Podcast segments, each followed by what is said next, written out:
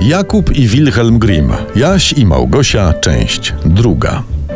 W poprzednim odcinku spotkaliśmy się z sytuacją, kiedy to wyrodny ojciec i jego flama, zła macocha, zostawili Jasia i Małgosię samych w lesie. E, nie samych, bo są razem. Sam to był na przykład Robinson. y, Robinsona zostawili samego w lesie? Przepraszam, mogę? Tak, tak, możesz, kontynuuj Przemku. Po trzech dniach wędrówki przez las dzieci trafiły w końcu na polanę, na której stała chatka pokryta ciastem, a szyby były zrobione z cukru. No ciężko było zajrzeć do środka, no, no bo guzik widać, nie? Mhm. Jaś odłamał kawałek smacznego dachu, a Małgosia wyjęła całą szybę z okna i siadłszy, chrupała ją z apetytem.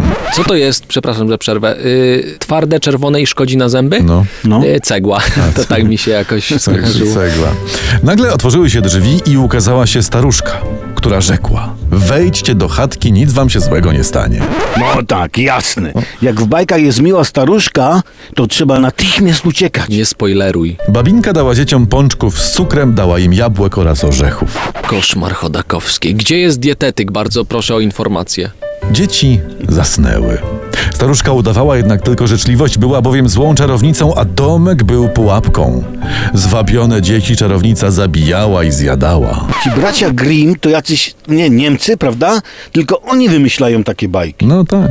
Czarownica zamknęła Jasia w chlewiku, a Małgosi kazała, by jej usługiwała. I gdy Małgosia głodowała, Jaś dostawał najlepsze kąski, by się utuczył. Po jakimś czasie wiedźma kazała Małgosi nagotować wody w garze. Hejże Małgosiu! zawołała.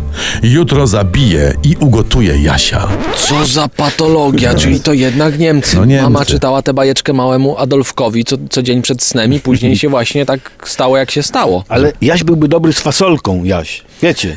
Takie... Wiemy. Gdy woda się ugotowała, czarownica rzekła: Najpierw jednak upieczemy chleb. I kazała Małgosi wejść do pieca, by sprawdzić, czy można tam już chleb włożyć. I tu Adolf chował się pod poduszką i krzyczał Nein, Małgosia! Nein! Małgosia! I Małgosia, zdając się słyszeć Adolfa, się skapła i namówiła wiedźmę, by jej pokazała, jak wejść do pieca. A gdy tata zrobiła, Małgosia zatrzasnęła za nią drzwiczki i zasunęła rygiel. Sehr gut, Małgosia, sehr gut, wunderbar, wunderbar, jo! Ho, ho. Adolf, wyjdź spod poduszki, zrobiłeś w gacie. I Małgosia uciekła. Pozostawiając bezbożną czarownicę w piecu, gdzie ta się spaliła. Potem dziewczynka uwolniła braciszka, zabrali czarownicy klejnoty i po wielu, wielu dniach w lesie odnaleźli w końcu dom. Zła macocha nie żyła już. A co się stało? Ojciec ją zaciukał, czy? Nie wiem, co się stało. No ciężko orzec, bo jakby no, bracia Grimm milczą w tej sprawie. Tam nic nie ma, tylko że nie żyje, że... A w każdym razie dzieci i tata padli sobie w objęcia, a ich troski się skończyły. Bardzo to ciekawe. I więcej ciekawych historii zawsze w bajkach dla dorosłych opowiemy my. Y, Jak my się nazywamy? Radiowcy bez cenzury. Tak jest. Olbratowski. Skowron, no. Tomkowicz. Do usłyszenia.